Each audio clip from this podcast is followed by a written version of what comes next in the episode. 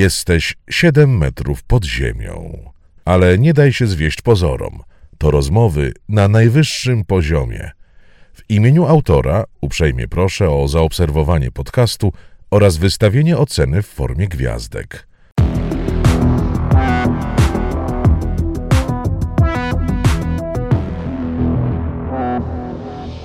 Siedem metrów pod ziemią. Rozmawia Rafał Gębura. Chciałbym zacząć y, to dzisiejsze spotkanie od statystyk y, absolutnie szokujących, powalających. Y, statystyk, w które aż ciężko jest uwierzyć. Co trzecie dziecko nie ma chęci do życia. Ponad 8% uczniów deklaruje, że podejmowało próbę samobójczą. Ponad 18,5% uczniów planowało odebrać sobie życie. E, te statystyki to są wyniki e, wielkiego badania, jakie zainicjowała Fundacja e, Unałeza. Mówię wielkiego, dlatego że wzięło w nim udział ponad 180 tysięcy uczniów szkół podstawowych i, i ponadpodstawowych. Rzadko się zdarza, żeby tak wiele osób wzięło udział w jednym badaniu, dlatego tak to, tak to podkreślam.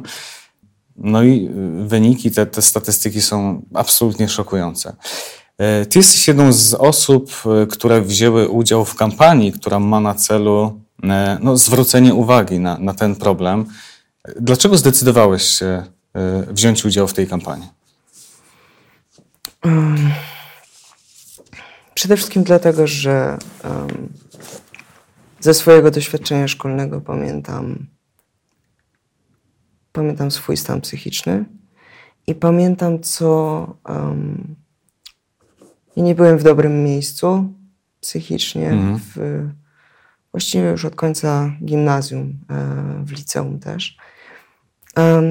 I pamiętam, że były próby pomagania mi mhm. w tym, ale mm, no, spaliły na panewce w mhm. większości. Um, to były na przykład y, wizyty u e, szkolnej pedagog. I mm, kiedyś mój wychowawca też y, próbował mi trochę pomagać.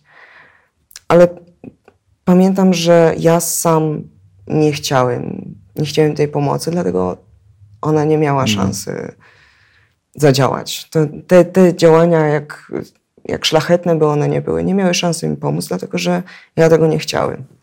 A to jest ważne. Sięganie po pomoc jest nie tylko dobrym pomysłem, mhm. ale jest jedynym, jedyną drogą jedynym do wyjścia. Jedyn, mhm. Tak, jedynym sposobem na to. Mówisz, że, że, że mm, no właśnie szkoła to był czas, kiedy, kiedy było u ciebie fatalnie. E, powiedz, jak jest dzisiaj? W jakim ty jesteś e, miejscu, punkcie dzisiaj? Jestem w najlepszym miejscu w moim życiu do tej pory. I myślę, że będzie już tylko lepiej. Mam partnera, który mnie akceptuje i który mnie kocha, z którym jesteśmy bardzo blisko. Mam pracę, którą uwielbiam i w której czuję się nietolerowany, a akceptowany mhm. i szanowany. Mam osoby bliskie, z którymi mogę porozmawiać o wszystkim. Oczywiście do każdego, wiadomo, że nie każdy temat można poruszyć z każdą osobą, ale nie ma takiego tematu w moim życiu, który czuję, że musiałbym chować albo który chciałbym chować. To, to też jest dla mnie bardzo mm. ważne. To, że jestem w takim miejscu w moim życiu, w którym jestem szczery, jestem sobą, umiem stawiać granice.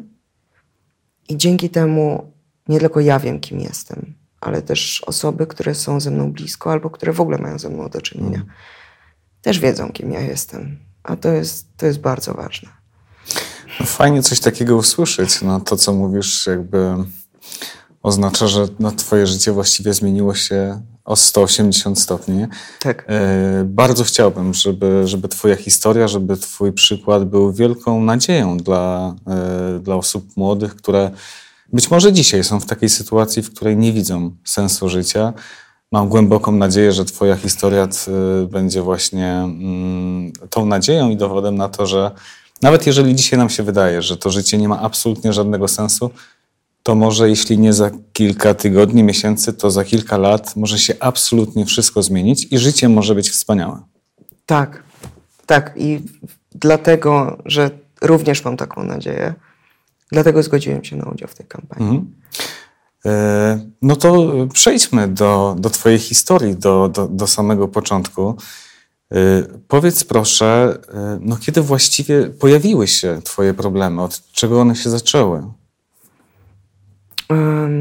Właściwie moje problemy zaczęły się od bardzo poważnej choroby w mojej bliskiej rodzinie.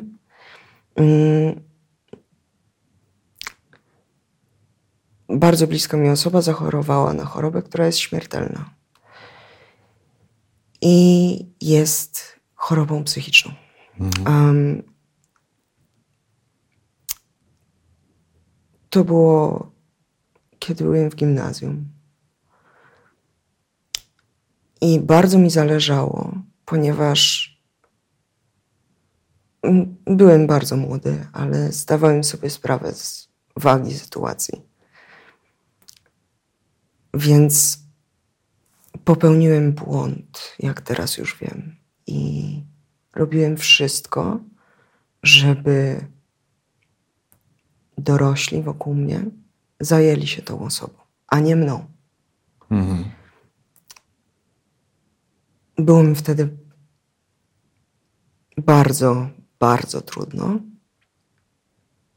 ponieważ nie sięgnąłem po pomoc profesjonalną. Nie wiem, nie mam diagnozy z tamtego okresu, ale prawdopodobnie miałem depresję. Mhm. Mm, to był też okres, w którym zacząłem e, się okaleczać e, i e, zacząłem myśleć o śmierci. Nie czułem się. To teraz, teraz już wiem dlaczego, ale czułem wtedy, że moje ciało nie jest moje. Nie, że należy do kogoś innego, mhm. tylko po prostu nie należy do nikogo. Nie czułem się zespolony ze swoim ciałem. Czułem też, że skoro nie planuję żyć zbyt długo, to jakie znaczenie ma na przykład chodzenie do dentysty, mhm. albo do lekarza, albo dbanie o jakieś drobiazgi, o które wiem, że wiele osób dba w związku ze swoim ciałem. Ja tego nie robiłem. zacząłem nadużywać alkoholu. Nie dbałem o siebie wtedy, bo nie było sensu. Bo planowałem, że przynajmniej dopóki blisko mi osoba jest chora, to nie mogę tego zrobić. Mhm. No ale w końcu wyprowadzę się z domu albo przyjdzie taki moment, że już nie dam rady. No w każdym razie dłużej niż 5 lat to to nie potrwa. I nie miałem nadziei, że to się zmieni. A. I tak funkcjonowałeś I tak właściwie tak latami. Tak. tak mm. Wtedy nie wiedziałeś, nie rozumiałeś, co, co się dzieje. Wspomniałeś o tym ciele, które nie do końca e, jakoś przystawało do, do ciebie. Kiedy doszedłeś do tego, na czym, na czym polega problem? To jest w sumie dosyć zabawna historia. Właściwie pierwszy sygnał, jaki mogłem zrozumieć, e, to było to, że jak e, zaczął mi się podobać kolega z klasy w gimnazjum,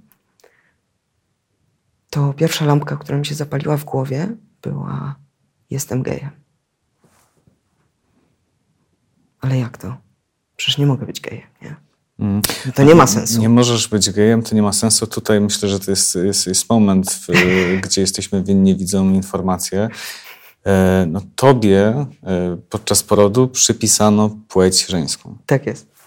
Więc w momencie, kiedy podobał ci się mężczyzna, pojawiła się myśl, chyba jestem gejem, co było bez sensu. Co było bez sensu, dlatego że wówczas ja siebie oraz wszystkie otaczające mnie osoby postrzegały mnie jako dziewczynę. Mhm. I myślę, że jestem gejem, była absurdalna. Mhm. A tak naprawdę zacząłem zdawać sobie sprawę z tego, że nie jestem cis, czyli nie identyfikuję się z płcią, którą mi przypisano przy porodzie. Dopiero na studiach. No to wiele lat później. Tak, wiele lat później. E, stu- tłumiłem sobie w tak wiele, tak wiele rzeczy, że naprawdę. Ale jak to możliwe? No przecież e, ty Nie szukałeś informacji w sieci, nie, nie, nie, nie A do próbowałeś... głowy by mi to nawet nie przyszło. Tak? E, nie przyszłoby mi do głowy, żeby wpisać transpłciowość w wyszukiwarkę. Dlaczego, powiedz? Bo ja wiedziałem, że istnieją transkobiety, Aha. ale nie wiedziałem o transmężczyznach. Po prostu. To jest tak proste. Ja po prostu nie wiedziałem, że oni istnieją. Wiedziałem, że istnieje Anna Grodzka. Mhm. I wiedziałem, że istnieją transkobiety. Ale do głowy by mi nie przyszło. Co wydaje się głupie, prawda? Ja odebrałem dobrą edukację. Mhm. Wydaje się naturalne, że skoro istnieją transkobiety, to powinienem domyślić się, że istnieją również transmężczyźni. No, Ale ponieważ nigdy nie widziałem tego fenomenu, nie widziałem tych ludzi, mhm. to nie miałem jak utożsamić się z nimi.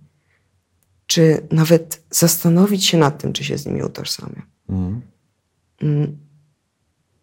I ponieważ em, już nauczyłem się po prostu akceptować to, że czuję się dziwnie, dlatego że jestem lesbijką, to po prostu przyjąłem za pewnik, że okej, czuję się tak, jak się czuję, czyli źle.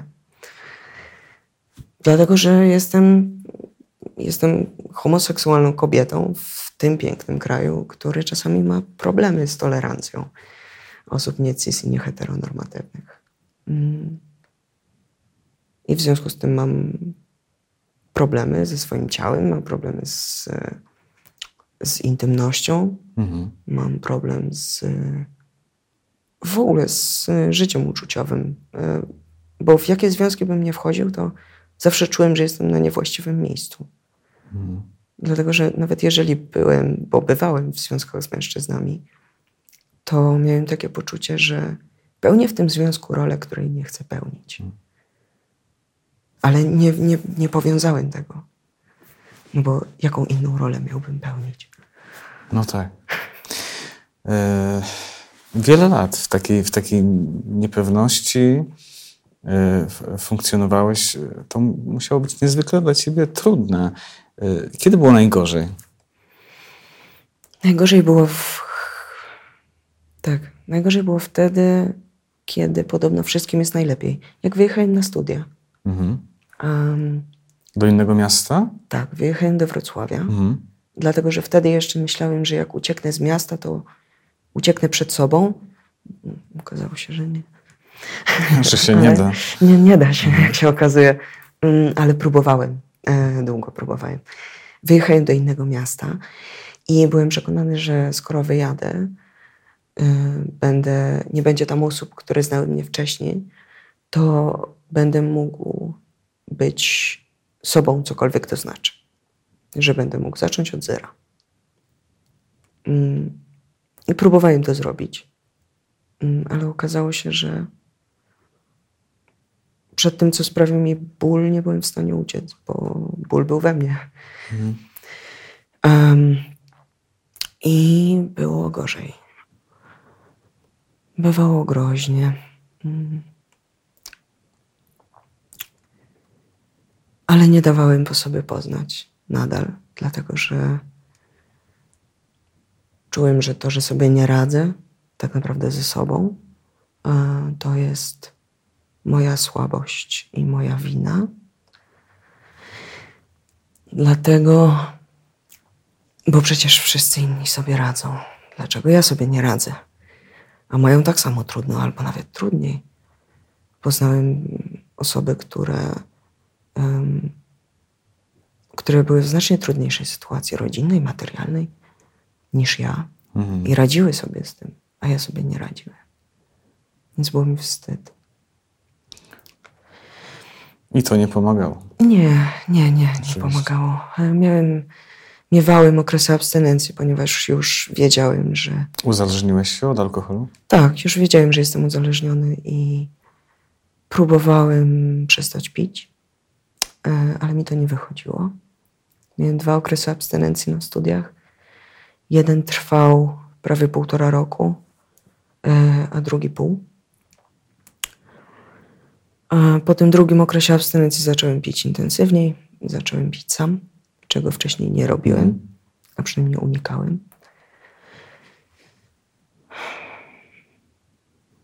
No, Studia to był ten czas, wcześniej o tym wspomniałeś, kiedy mm, sobie to już jakoś tak mocno uświadomiłeś, no, że ty nie jesteś żadną kobietą, jesteś mężczyzną.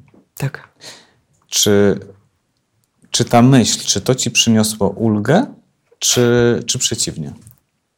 No, Kiedy już wiedziałeś, o co, o co tu chodzi? Trochę tak, ale e, tak, to była ulga. Mm.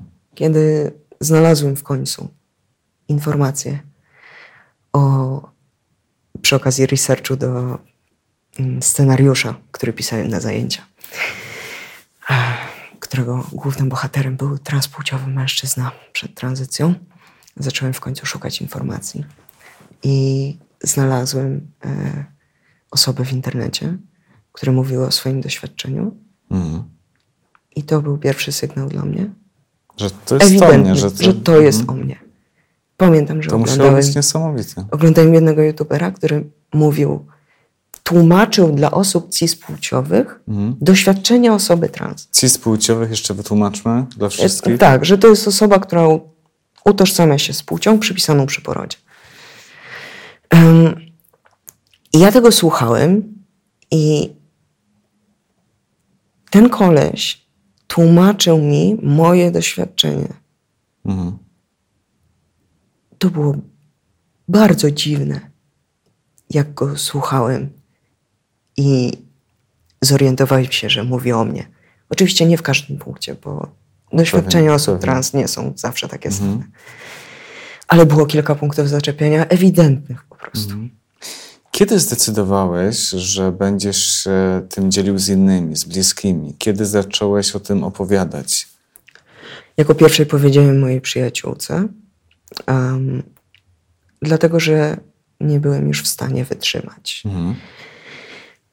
To był taki moment, kiedy em, tłumaczyłem sobie, że jeszcze nie jestem pewny, więc nie mogę nikomu powiedzieć.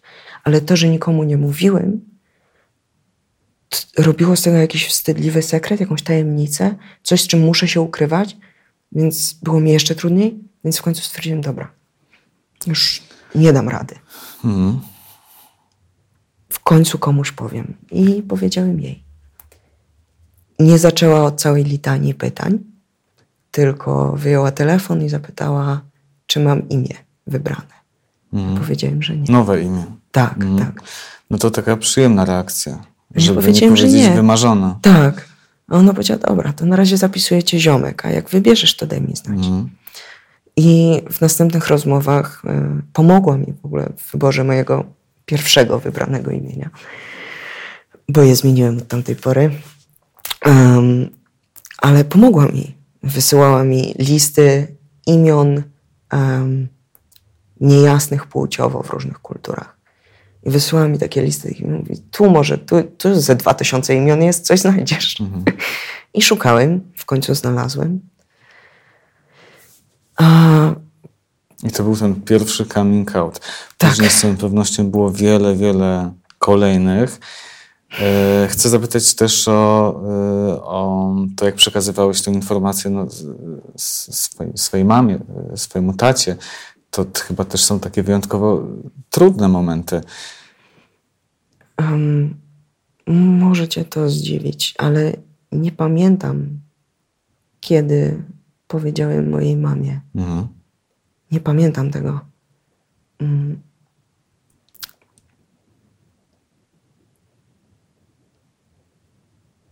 Zupełnie tego nie pamiętam. Mhm. A pamiętasz, jak oni to przyjęli? Wiem, że było im trudno. Mm.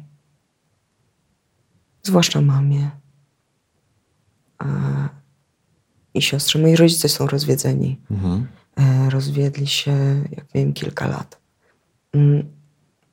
I no wiadomo, tata nie mieszkał z nami.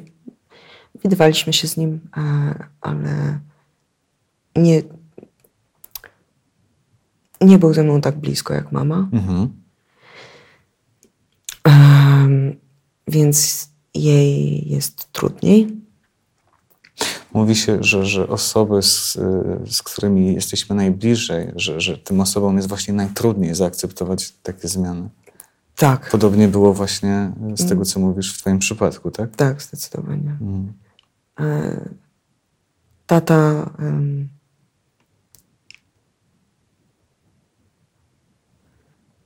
zresztą tata podszedł do tego, okej, okay, mm, to znaczy postaram się mówić mhm. tak, jak, tak, jak chcesz, um, ale upewnij się.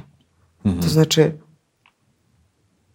nie podejmuj drastycznych decyzji, dopóki nie będziesz pewien. O to cię poprosił. Tak. Mhm. Też ważne jest, y, żeby powiedzieć, że ja w momencie, mówię, że nie pamiętam tych momentów, mhm. tych coming outów do rodziców. Tych nie pamiętam, bo byłem wtedy w złym stanie psychicznym. Podejrzewam, mhm. że to jest, to jest powód. Bo w przeciwnym razie, tak jak mówisz, to jest ważny moment w życiu. Przecież bym to pamiętał, ale nie pamiętam tego. Mm, więc um, to jest ważne, żeby powiedzieć, ja byłem wtedy przed terapią. I nie mówię o terapii w ogóle związanej z y, moją tożsamością płciową, mhm. tylko po prostu przed terapią, która pomogłaby mi być samowystarczalnym, odpowiedzialnym za siebie, szczęśliwym człowiekiem. Mhm. Więc uh, dla taty to było ważne, żebym żebym po prostu sięgnął po pomoc i żebym już był w miejscu na tyle stabilnym, żebym mógł, e, żebym mógł czuć się bezpiecznie z decyzjami, które będę podejmował. Mhm. E, to nie jest żadna tajemnica. E, twój tata jest znanym aktorem. Tak. E, w pewnym momencie E, zaczął publicznie, głośno mówić o tym, że kiedyś miał córkę, dzisiaj ma, ma syna. Udzieliliście wspólnego wywiadu. E, czy to było dla ciebie jakieś szczególnie istotne, szczególnie ważne, że, że on o tym mówi otwarcie, głośno, że nie jest to dla niego żaden powód do wstydu? Tak, tak. To było. Pamiętam, że wtedy, bo to była w ogóle dosyć zabawna sytuacja to było jedno zdanie w wywiadzie dla zwierciadła o filmie, który wchodził na ekran. Jedno, ale najważniejsze. No właśnie, jak się później okazało, tak, bo um, tata powiedział, tak jak powiedziałeś, uh, kiedyś miałem córkę, tu powiedział mój nekronim, mhm. a teraz mam syna Konrada. Były głosy w mediach, uh, które było też dużo osób w internecie, które mówiły, jak on mógł, jak mógł powiedzieć nekronim swojego syna w mediach. Hmm, czyli, I jak on czyli, się w ogóle wysławia. Czyli dawne imię, tak? Tak, tak, tak. To się też mówi na to dead name czasami hmm, z tak. angielskiego. Tak. Ja lubię polski odpowiednik hmm. nekronim.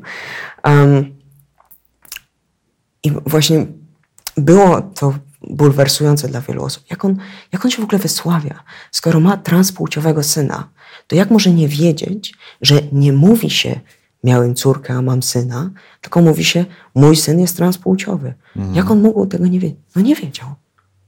A z drugiej strony, skąd miał wiedzieć? Mhm. Ale robiono mu z tego zarzut. Tak. Mhm.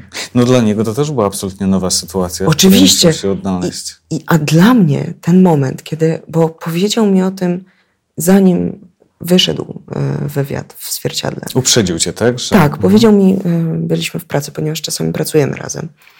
Um, powiedział mi na papierosie przed spektaklem, że powiedział w wywiadzie, że mhm. właśnie, że ma syna.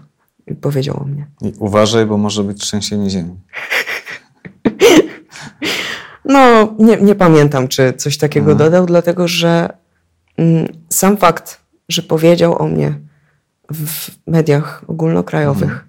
że się mnie nie wstydzi mhm. do tego stopnia, że powiedział to zupełnie. To było dla mnie najważniejsze, że zrobił to w sposób tak prozaiczny, bo on tylko poprawił dziennikarkę. To była tylko poprawka w pytaniu, bo pytanie padło: e, Pan ma dwie córki. Nie. Kiedyś miałem e, e, trzy córki. Mhm. Kiedyś miałem trzy córki.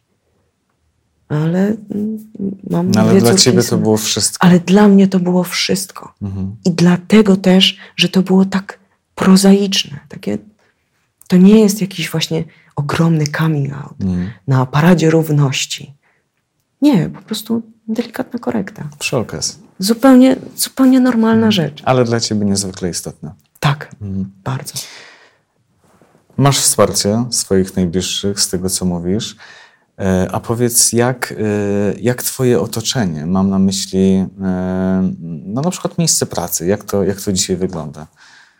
Moje obecne miejsce pracy nie jest problematyczne. To znaczy, nie zdarzyły mi się.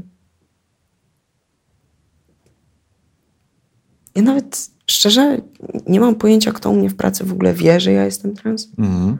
E, Pracujesz w teatrze? Tak. Czym się zajmujesz? E, Jestem suflerem. Okej. I nie wiem, nie, nie, nie, roz, nie rozmawiam o tym.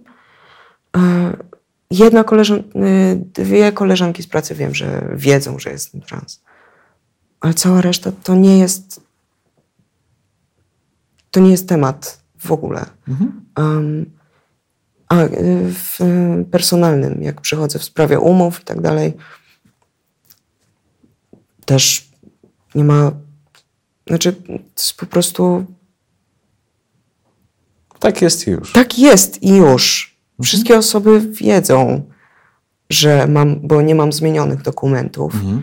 więc mam wciąż dowód, w którym literka przy, w rubryce płeć to jest literka K i widnieje tam mój nekronim. Mhm. Co prawda zdjęcie jest nowe, więc e, nie mogę się doczekać dysonansu poznawczego, jak mnie jeszcze ktoś kiedyś poprosił o dowód przy kupowaniu papierosów.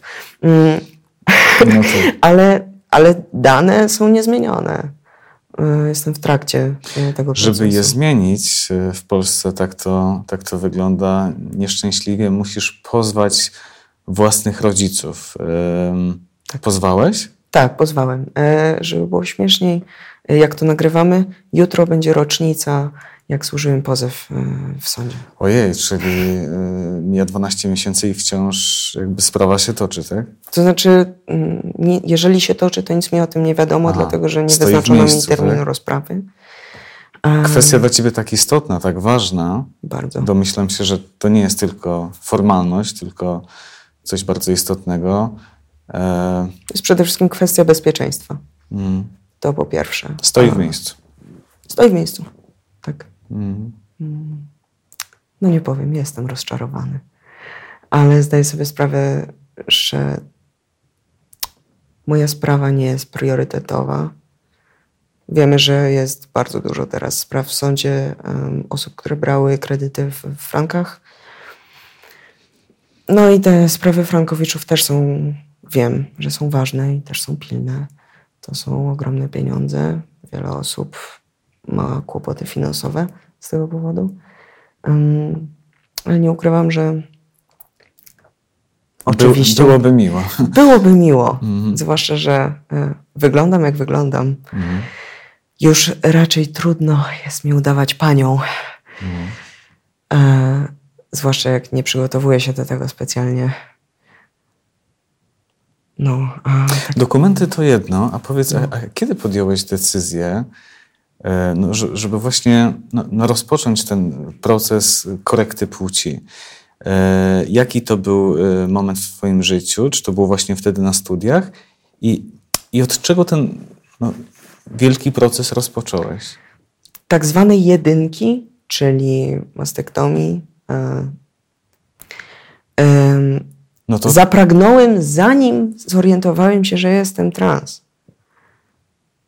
Pierwszej operacji, tego co wiele osób mówi, że jest tak drastycznym zabiegiem, i to jest ta rzecz, której nie pozwala się przeważnie zrobić przed terapią hormonalną. Ja wiedziałem, że tego chcę, jeszcze zanim wiedziałem, że jestem trans. Aha. zanim przyjąłem, że Jest jestem trans. całkowicie przekonany, że to jest dobra Marzyłem, decyzja. marzyłem o tym, Mhm. żeby się dowiedzieć, że mam raka piersi. Mhm. Bo wtedy nie było odwrotu. No a potem dowiedziałem się, że w Polsce przy podwójnej mastektomii w przypadku raka piersi jest obowiązkowa i finansowana przez NFZ również rekonstrukcja wcześniejszego stanu rzeczy. Co nie byłoby ci na rękę. Nie było mi to na rękę. A E, jak, ale- to, a jak to wyglądało? Y, Musiałeś za to zapłacić y, sam z własnej kieszeni? To, to nie Znaczy- jest pewnie refundowane. Nie jest. E, E, Całe szczęście mój, mój tata Wziął to na klet. wziął to, wziął to na klatę, tak. Całe szczęście, dlatego że koszt takiej operacji to jest, no zależy gdzie, a ja mm, operację robiłem w Warszawie, ale koszt w tej chwili, z tego co się orientuję, waha się od 10 do 24 czy 25 tysięcy złotych. No tak, nie jest to małe wydaty. No nie jest. Em, Tak, a e, kiedy podjąłem decyzję o w ogóle rozpoczęciu procesu korekty, kiedy już wiedziałem, że jestem trans, że chcę, mm, chcę brać hormony, em, miałem 20, 23 lata. To było. Ja wiedziałem, że chcę, chcę, mm, chcę brać HRT, czyli zastępczą terapię hormonalną od razu. Jak już wiedziałem, że jestem trans, to to już był moment, kiedy ja od jakiegoś czasu marzyłem o tym, żeby nie wiem, co się w moim życiu wydarzyło, żebym ja musiał brać testosteron. Jakieś absurdalne scenariusze pisałem. Okej. Więc em, tak naprawdę dużym krokiem było dla mnie przyjęcie do wiadomości, że jestem trans, a nie to, że chcę brać testosteron. Okej, dalej już poszło. To już poszło. E, dopytam cię jeszcze, jak pozwolisz o tę, o Tak, tę operację, to było bolesne? Brałem leki przeciwbólowe, ale brałem paracetamol, więc y, nic bardzo silnego. Ja też ze względu na to, że jestem uzależniony, unikam silnych substancji przeciwbólowych. Okej. Em, ale tak, to bolało. Przez jakiś tydzień bolało, potem pobolewało przez jakiś czas, a potem przestało. Ja niestety em, nie rzuciłem palenia przed operacją. Em, wiem, że chirurg, który mnie operował, już nie przyjmuje pacjentów, którzy palą. Mhm. Jakie właśnie z mojego znaczenie? powodu. Mhm. Okej. Dlatego, że zwłaszcza gojenie tkanek tych, mm, bo mm, palenie szkodzi przede wszystkim, bardzo szkodzi na krążenie i na wiele innych To czynników wiemy. zdrowotnych, Mhm. to wiemy. Em, ale dowiedziałem się, czego nie wiedziałem wcześniej, że przede wszystkim na em, krążenie w tych najmniejszych naczyniach krwionośnych. A te najmniejsze naczynia są najważniejsze w procesie gojenia. Mhm. Em, moje wyniki, jestem z nich bardzo zadowolony. Byłbym zadowolony, jakie by one nie były, dlatego że ważne było dla mnie, żeby obciąć, co było i żeby nie odrosło. Mhm. Em, ale tak, no ja paliłem, więc e, moje gojenie przedłużyło się em, Mhm. nieco i bolało. Ale dzięki tobie lekarz wyciągnął jakieś Ale swoje tak. wnioski i inne. Znaczy wnioski miał już wcześniej, Mhm. po prostu stwierdził, że on już więcej tego stresu nie bierze na No siebie. jasne. I on nie będzie już operował e, osób, które palą. Y, Zacząłeś, zacząłeś od, od, od tej mastektomii bardzo inwazyjnie, trzeba, trzeba przyznać, y, a, a, a hormony były później. Tak? Nie, nie, nie, zacząłem od hormonów. Aha, czyli od hormonów. Tak, okej. po prostu wcześniej wiedziałem, że chcę mastektomii, niż wiedziałem, że chcę Okej. brać hormony. Ale nie, nie, nie. Taka jest y, przyjęta praktyka Właśnie medyczna. stąd, stąd to moje y, tak, zaskoczenie. tak. Y, Jak, to był oczywiście testosteron. Tak. Jak, jak, jak on zmieniał y, w czasie twoje ciało? E, Najpierw Po jakim jest czasie zauważyłeś jakieś zmiany? jakoś tak po, Na ile cię cieszyły? po półtora tygodnia Szybko. e, z- dostałem chrypy. Em, Potem zaczął mi opadać głos. Mhm. Ale robił to, nie wiem, czy ty miałeś taką mutację, która robi ci dowcipy? No na, no na pewno, na Bo pewno. wiem, że nie, nie wszyscy um, mężczyźni przechodzą te mutacje w taki sposób. To znaczy, że Nie, pamiętam, twój były tam głos płata takie skoki. Tak, no, tak, to było bardzo nieszczęśliwe, e, wstydliwe dla... Mhm. A teraz wyobraź sobie, że mając mutację, um, pracujesz w Ikei i składasz hot dogi. i obsługujesz kilkadziesiąt osób dziennie, co I najmniej. cały czas musisz do I nich cały mówić, czas musisz do tak, nich z tą mówić. mutacją. Tak. Masz maseczkę na twarzy przy okazji, a um, klatę masz ściśniętą binderem, więc Mhm. oddychanie też nie jest takie proste. Jest potwornie gorąco, bo na bistro nie ma klimatyzacji. Nie było lekko. Było ciekawie. Ja wiem, że ty w tej Ikei też, też miałeś taką e, waleczną postawę, w tym sensie, że e, za każdym razem zwracałeś uwagę klientom, którzy zwrócili się do ciebie w niewłaściwy sposób. E, tak. I tak naprawdę dużo było sytuacji nieprzyjemnych. Mhm. To znaczy, um, wykłócanie się zdarzało się rzadziej, ale częściej zdarzało się, że byłem po prostu ignorowany. Um, albo też zdarzało mi się bardzo często, że w momencie, kiedy zwróciłem uwagę, ktoś zaczynał do mnie mówić per pani częściej, głośniej i intensywniej. Aha, czyli tak złośliwy. No, Mhm. Ciekawe. złośliwie i też. Y, osoby nie zdają sobie z tego sprawy zazwyczaj, ale kiedy robi się coś takiego osobie transpłciowej w miejscu publicznym, To jest bolesne. jest to zagrożenie zdrowia i życia czasami. Mhm. Więc pamiętajmy o tym. To jest bardzo istotne. No tak, dla, Że to jest nieprzyjemne dla i że to kogoś to boli. jest y, tylko Zwykle zaimek, Tak, ale y, dla ciebie w tamtej sytuacji, kiedy jeszcze przyjmowałeś hormony, to, to było szalenie istotne. albo przed hormonami. Ja Mhm. zacząłem pracować w IKEA zanim zacząłem przyjmować hormony. I oczywiście ja byłem w miejscu pracy, więc przyjmijmy, że niewiele mi groziło. Ale no, takie sytuacje się zdarzają. I ja rozumiem, że komuś może zależeć na tym, żeby sprawić komuś psychiczny ból, że ma ochotę się znęcać. Jest to okrutne, ale są takie osoby. Tylko zależałoby mi na tym, żeby się zastanowiły, czy chcą być okrutne psychicznie, czy chcą, żeby życie i zdrowie osoby, wobec której są okrutne, było zagrożone. Bo nad tym już, przynajmniej z mojego doświadczenia, jest mniej osób, które godziłoby się na coś takiego, żeby z ich winy komuś stała się krzywda. No dlatego e, tak ważne jest to, żeby, mm, żeby ludzi uświadamiać, że, że, że takie zachowania mogą mieć niekiedy nawet takie e, konsekwencje. Myślę sobie też, że chyba podobnie jest e, z, z, z tym twoim e, name, e, którego dzisiaj już nie używasz, że mm, słyszenie tamtego imienia nie jest czymś przyjemnym. Czy, czy są dzisiaj jeszcze takie sytuacje, że, że, że musisz je słyszeć? E, Tak, e, słyszę je wtedy, kiedy dzwoni do mnie bank, albo ja mam sprawę do załatwienia z bankiem. E, Mój bank nie ma żadnej procedury czy czegokolwiek, co ułatwiałoby życie osobom trans, które są przed zmianą danych, która jest trudna, jak już mówiliśmy. Są pewne instytucje, które to ułatwiają, na przykład dają opcję podania imienia i zaimków preferowanych w kontakcie z taką osobą i tak dalej.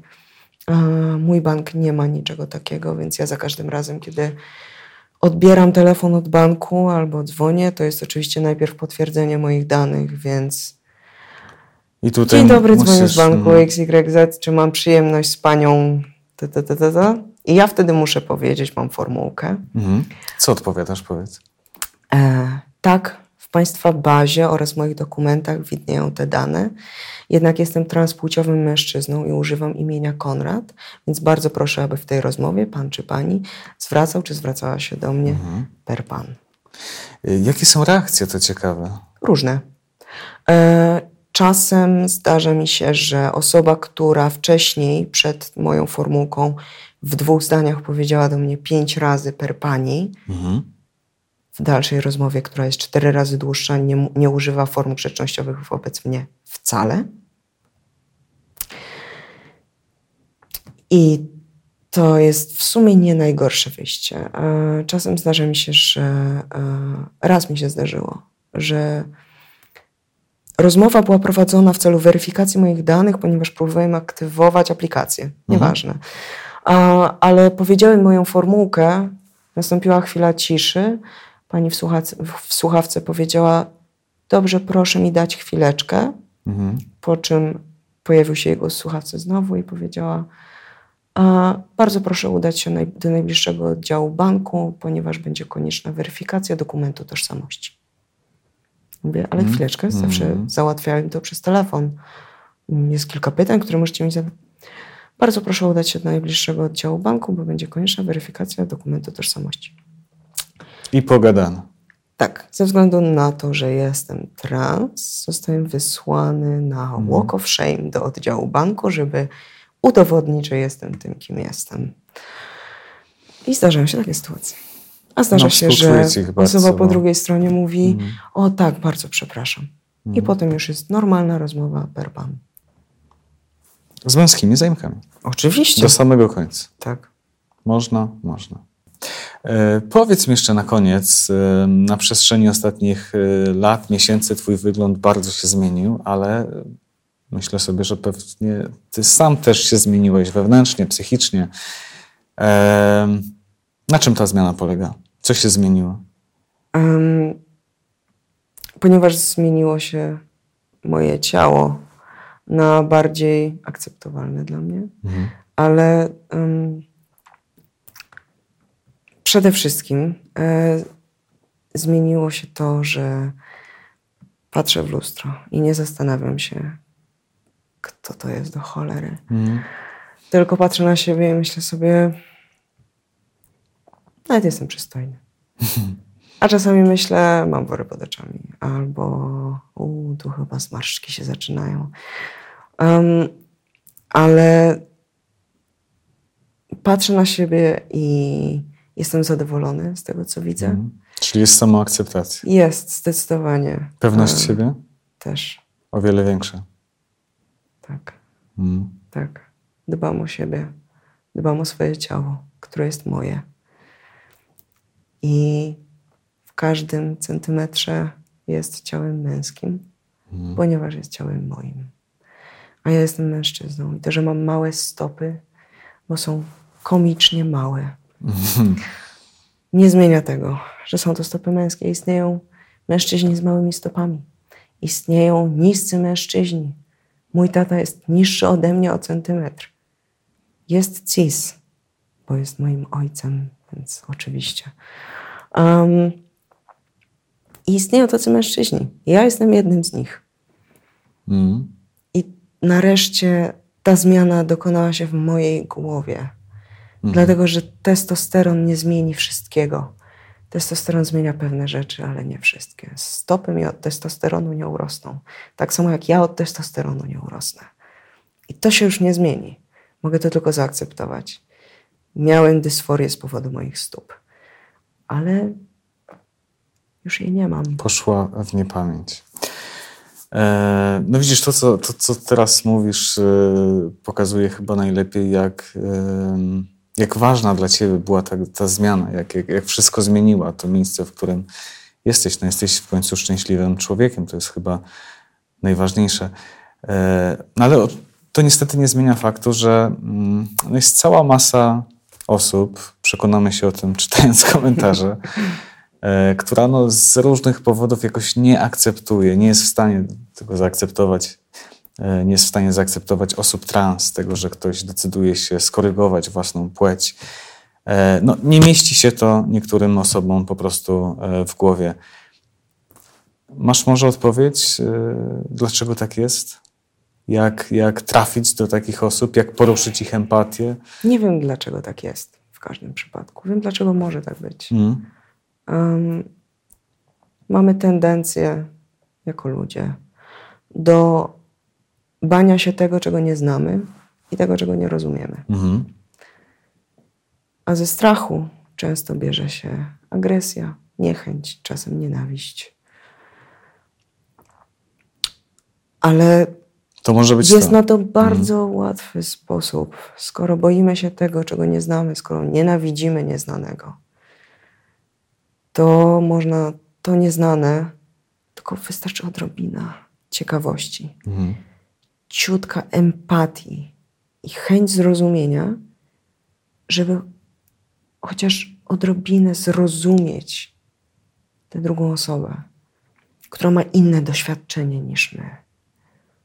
Ale przez to to doświadczenie nie jest mniej ważne. I nie jest mniej godna ta osoba szacunku i godności ludzkiej.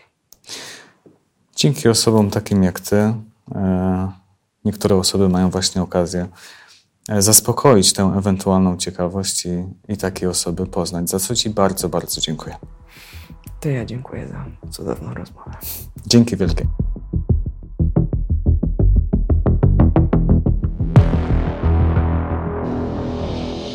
W imieniu autora dziękuję Państwu za uwagę. Zachęcam również do zaobserwowania podcastu oraz wystawienia oceny w formie gwiazdek. Do usłyszenia kolejnym razem.